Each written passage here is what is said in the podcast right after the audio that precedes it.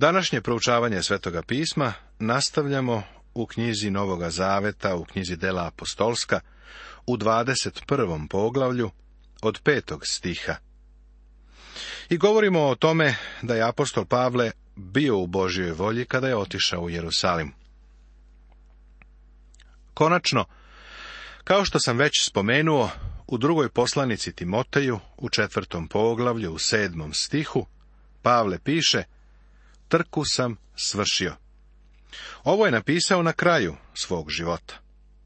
Čini mi se da on to ne bi rekao u vremenu kada je iskoračio iz Božije volje. Moram priznati da kada se osvrnem na svoju službu, uveren sam da sam za jedno kratko vreme bio iskoračio iz Božije volje. Nisam to namerno učinio. Bilo je to iz tvrdoglavosti. Mislim da Bog ima način na koji nam ovo nadoknadi. Ali ne verujem da je Pavle na kraju svog života mogao da napiše da je završio trku, ako je bio izvan Božije volje. Ovome sam posvetio ovoliko vremena jer u vezi sa tim postoje protivrečnosti. Imam nekoliko dobrih prijatelja u službi, koji se ne slažu sa mojom tačkom gledišta, ali su mi i dalje prijatelji. Volim tu braću u gospodu. Ponekad ih izazivam i kažem da se nadam da će jednoga dana ugledati svetlost. Jedan od njih mi je jednom prilikom rekao, znaš, kad dođemo u gospodnje prisustvo, u svemu ćemo se slagati. A kad nam istekoše ovi dani, otido smo odande i putova smo dalje. Pratili su nas svi, sa ženama i decom, to izvan grada. A na obali kleknu smo i pomoli smo se Bogu. Ovo je nešto divno, što je Pavle ovde učinio. Pavle i oni koji su bili sa njim kleknuli su na obali i molili se. Prijatelju, najbolji položaj za molitvu je klečanje. Međutim, možeš se moliti bilo kad i u bilo kom stavu. Pošto mnogo vozim, naučio sam da se molim u kolima. Kada se voziš autoputevima u Kaliforniji, bolje ti je da se moliš. Ali najprikladniji položaj koji treba da zauzmemo kada dolazimo u prisustvo svemogućeg Boga jeste klečanje. Pošto smo se oprostili jedni od drugih, mi uđo smo u lađu, a oni se vratiše svojim kućama. Svršivši pak plovidbu od Tira, stigo smo u Ptolemaidu. Pozdravi smo braću i osta smo kod njih jedan dan. Često sam se pitao zašto se Pavle tu nije duže zadržao. Primetit ćeš kako su ga divno dočekali i kako je bio veliki broj vernika u to vreme na svim tim mestima. Do kraja prvog veka u Rimskom carstvu su sigurno već bili milioni vernih. Pavle u Kesariji Sutradan otputova smo i dođo smo u Kesariju, pa uđo smo u kuću evanđeliste Filipa, koji je bio jedan od sedmorice, i osta smo kod njega. Pavle putuje duž obale i ide iz jednog mesta u drugo. Tim putem sam prošao autobusom. A pošto u Pavlovo vreme nije bilo autobusa, siguran sam da je pešačio. Kakvu je samo službu imao. Pomisli na vernike koje je na tom putu sretao imao je pravu službu i pravu priliku. Pošto sam išao od crkve do crkve, od mesta do mesta, od grada do grada, propovedajući Božju reč, za mene je bilo veliko ohrabrenje da vidim šta Bog radi u životima ljudi. Kada sam bio pastir, radio sam veoma naporno, pa sam razvio Ilijin kompleks. Ostao sam samo ja, gospode, samo sam ostao ja, samo ja stojim za tebe, gospode. Prijatelju, kada bi mogao da putuješ onuda kuda sam ja prošao u toku prošle godine, srce bi ti uzdrhtalo radi broja divnih crkava, divnih hrišćanskih radnika, divnih hrišćanskih domova, divnih vernika koji postoje u ovoj zemlji, kao i u drugim zemljama sveta. Za mene je bilo tako uzbudljivo upoznati se sa tim vernicima. Ovo je nesumnjivo bilo i Pavlovo iskustvo. On je imao četiri kćeri, devojke. Filip je bio evangelista. Ova reč doslovno znači onaj ko objavljuje dobre vesti. A ovaj stih pokazuje da su žene zauzimale istaknuto mesto u crkvi. Ove koje se ovdje spominju imale su dar proroštva. Novi zavet još nije bio napisan, pa je dar proroštva potreban u crkvi. Pošto smo se tu zadržali više dana, dođe iz Judeje jedan prorok po imenu Agav, te nam priđe. Uze Pavlov pojac, sve za svoje ruke i noge, pa reče. Ovo veli duh sveti. Čoveka čiji je ovo pojac, Judej će u Jerusalimu svezati i predati u ruke božaca. Duh sveti otkriva Pavlu šta će mu se desiti kada stigne u Jerusalim. To je kao da mu govori, Pavle, sa ovim ćeš se suočiti, a da li si spreman za to? Bog ne želi da Pavle misli kako ga je gospod pustio da upadne u zamku i spotakne se. Pavle zna šta ga čeka ali je i dalje savršeno spreman da ide. U stvari ovaj prorok mu ne saopštava ništa novo. U 20. poglavlju, dok je još bio u Maloj Aziji, već je znao da ga čekaju okovi i nevolje. Kad smo to čuli, molili smo mi i meštani da ne ide gore u Jerusalim. Tada Pavle odgovori. Šta to činite? Što plačete i cepate mi srce? Za ime gospoda Isusa ja sam spreman ne samo da budem sveza, nego i da umrem u Jerusalimu. Ima i na umu da ovo piše doktor Luka. Oni ostali nisu želeli da Pavle ide u Jerusalim.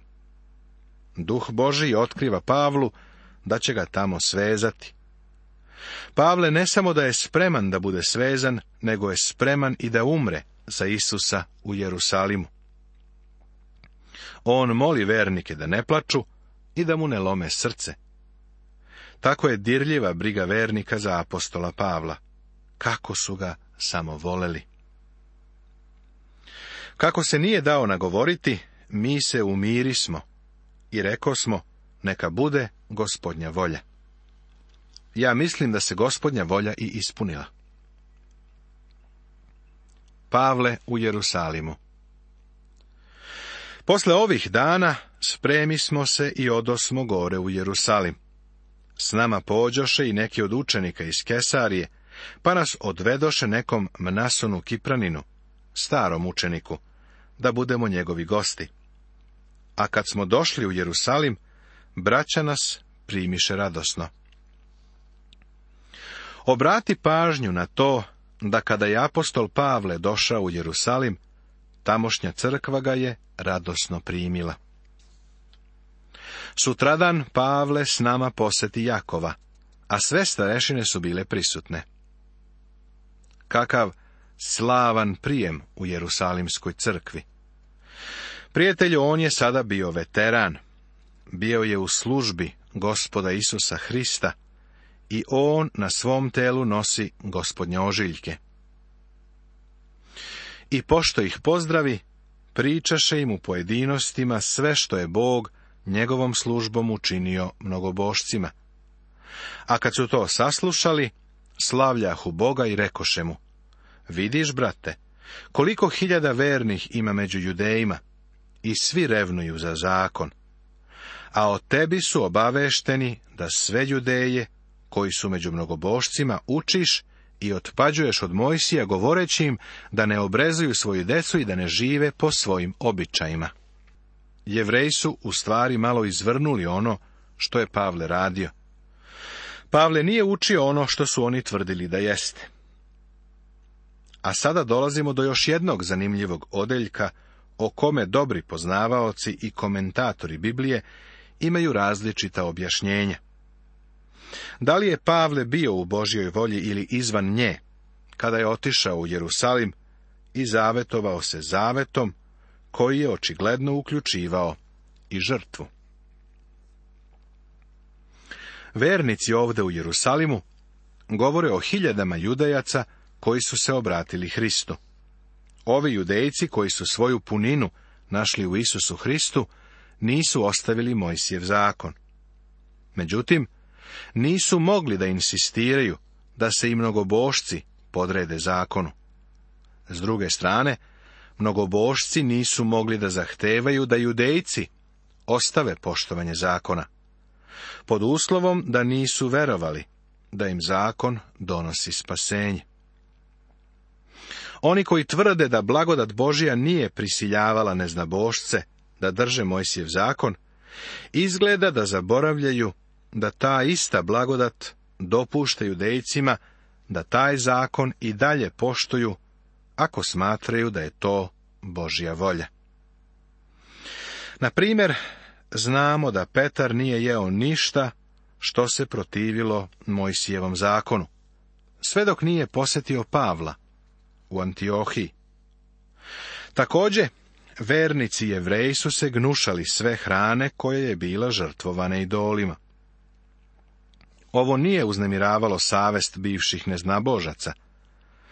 Međutim, ako je uzimanje tog mesa vređalo savest drugih vernika i spoticalo ih je, onda je bilo pogrešno. Pavle vrlo jasno govori da nas meso ne postavlja pred Boga. Jelo, međutim, neće nas postaviti pred Boga. Niti šta gubimo ako ne jedemo, niti mnogo dobivamo ako jedemo. Kaže u prvoj poslanici Korinčanima u osmom poglavlju u osmom stihu. Pavle je također napisao da ako je neko odrastao pod određenim običajima, blagodat Božija mu dopušta da te običaje poštuje i nakon što je prihvatio gospoda Isusa kao svoga spasitelja. Samo svako neka živi onako kako mu je gospod odelio, kako ga je Bog pozvao. I tako naređujem po svim crkvama. Ako je ko pozvan kao obrezan, neka se ne gradi neobrezan. Ako je ko pozvan u neobrezanju, neka se ne obrezuje. Obrezanje je ništa i neobrezanje je ništa, već držanje Božih zapovesti. Svako neka ostane onakav kakav je pozvan, kaže prva poslanica Korinčanima sedmo poglavlje, od 17. do 20. stiha. Pavle primenjuje ovaj princip kada ljude zadobija za Hrista. Iako sam slobodan od svih, sebe učinih služiteljem sviju, da ih što više pridobijem. Tako sam judejima bio kao judejin, da bih pridobio judeje. Onima koji su pod zakonom bio sam kao da sam i ja pod zakonom, mada ja nisam pod zakonom. Da bih pridobio one koji su pod zakonom, onima koji su bez zakona, bio sam kao da sam i ja bez zakona, mada ja nisam bez Božijeg zakona, nego sam u Hristovom zakonu, da bih pridobio one koji su bez zakona. Slabima sam bio kao slab, da bih pridobio slabe. Svima sam bio sve, da svakako neke spasem. I sve činim za evanđelje da bih imao udela u njemu ovo je zapisano u prvoj poslanici Korinčanima u devetom poglavlju od 19. do 23. stiha. Mislim da ne treba da kritikujemo Pavla za ono što radi ovde u Jerusalimu. Blagodat Božja je Pavlu dopuštala da se kao jevrejin zavetuje da bi zadobio jevreje. Da je bio mnogobožac, bilo bi sumnjivo to što bi prihvatio strane običaje. Uz ove pozadinske podatke razumemo Pavlov postupak. Šta ćemo dakle sad? Svakako će čuti da si došao. Stoga učini ovo što ti kažemo. Imamo četiri čoveka koji su se zavetovali. Uzmi ih, podvrgni se očišćenju s njima zajedno i plati za njih da ošišaju glave. Pa će svi doznati da nema ništa od onoga što su čuli za tebe već i da sam živiš držeći se zakona. A za mnogobošce koji su primili veru, odlučili smo i poručili da se čuvaju od mesa žrtvovanog idolima, i od krvi, i od udavljenog, i od bluda. Tada Pavle uzete ljude, pa sljedećeg dana očišćen s njima, zajedno uđe u hram, objavljujući da su se navršili dani očišćenja dok je za svakog od njih žrtva bila prineta. I šta sad Pavle treba da uradi? Stigao je u Jerusalim. Crkva ga je kraljevski dočekala. On im je uručio dar iz mnogobožačkih crkava. Slušali su njegov izveštaj i radovali se zbog toga što je Bog spasavao neznabošce. Sada se okreću Pavlu i kažu mu da u Jerusalimu ima na hiljade jevreja koji veruju u Hrista i koji su ga prihvatili kao svog mesiju i spasitelja. Niko od njih ne želi da u crkvi dođe do podele. Postoji samo jedna crkva Isusa Hrista, a ne jevrejska ili crkva drugih naroda. Jevrein koji priđe Isusu ne prestaje da bude jevrejn. Zato oni kažu Pavlu, vidi, ti si jevrein, to je tvoje poreklo. Želiš li da zadobiješ jevreje za Hrista? A Pavle odgovara, naravno da želim. I zato mu kažu, pošto si jevrein, neće smetati ako odeš sa ova četiri Jevreina koji su se zavetovali. Ošišali su glave i idu u hram. Hoćeš li da pođeš sa njima? Pavle kaže, naravno. Pavle se nije zavetovao zato što su mu to zapovedili, Zavetovao se jer je želeo da zadobije ove ljude. Prijatelju, ne moraš da se zavetuješ, ali ako hoćeš, možeš. Ako hoćeš da se ošišaš kao znak zaveta, to je tvoja stvar. Ako hoćeš opet da se zavetuješ pa da pustiš da ti naraste duga kosa, to je također tvoja stvar. Sve je to u redu, sa Bogom. Pod Božijem blagodaću imaš pravo na ove stvari. Pod blagodaću imaš pravo da se zavetuješ ako to želiš, samo ukoliko shvataš da te ti običaji ne spasavaju, već da te spasava Božija blagodat. Pavle u hramu u Jerusalimu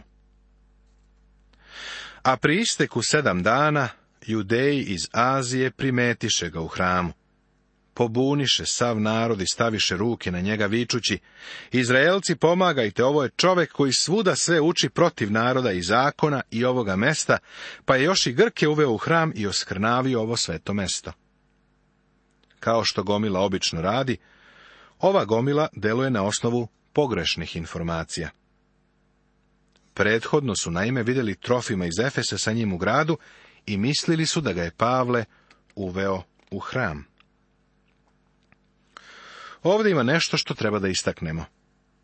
Pavle Jevrejin odrasta u tradiciji, otišao je u hram kada je došao u Jerusalim. A Trofim, koji je bio efeški neznabožac, očigledno se obratio kroz Pavlovu službu. Kada je sa Pavlom bio u Jerusalimu, on nije mogao da ide u hram ili da učestvuje u bilo kom obredu u hramu. To nije pripadalo njegovom vaspitanju. Pod blagodaću je mogao to da prihvati da je hteo.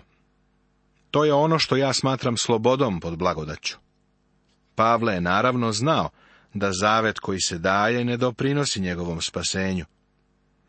I jevreji i neznabošci se spasavaju samo i jedino Božijom blagodaću, kroz Isusa Hrista. Pavlov zavet je verovatno sadržavao i post i uzimanje određene hrane. To je bio deo njegovog vaspitanja i porekla. Danas dok putujem vidim da su mnogi hrišćani vrlo hiroviti u vezi sa hranom. Uvek sam zapanjen kad vidim koliko je takvih. Stalno mi daju savete o tome koju hranu treba da uzimam da jedem. Hrana jedino može da doprinese tvom fizičkom telu. Hrana te neće izvesti pred Boga. Pod blagodaću možeš da držiš dijetu, a ne moraš. Možda će to uticati na tvoje zdravlje, na fizičko stanje. Ali to nema nikakve veze sa tvojim odnosom sa Bogom. E, samo kada bi to Boži narod shvatio. I sav grad se uskomeša, navali narod sa svih strana, pa uhvatiše Pavla i stadoše ga vući iz hrama, a vrata se odmah zatvoriše. I dok su oni tražili da ga ubiju, dođe glas do zapovednika čete, da je sav Jerusalim u pometnji. On odmah uze vojnike i kapetane, pa dotrča do njih. A oni pak videvši zapovednika i vojnike, prestaše da udaraju Pavla. Zapazi njihovu ogorčenost i mržnju prema Pavlu. Mrze ga zato što on uči da čovek ne mora da se drži Mojsijevog zakona da bi bio spasen. Pavle upravo pošto je jedan od običaja svog naroda, želi da to čini. Trudi se da zadobije svoj narod. Iako se nije postiglo ono što je on imao na umu, mislim da se ispunio Bogom dati cilj. Gomila bi ubila Pavla da nije intervenisao kapetan i vojnici. Nastavit će se.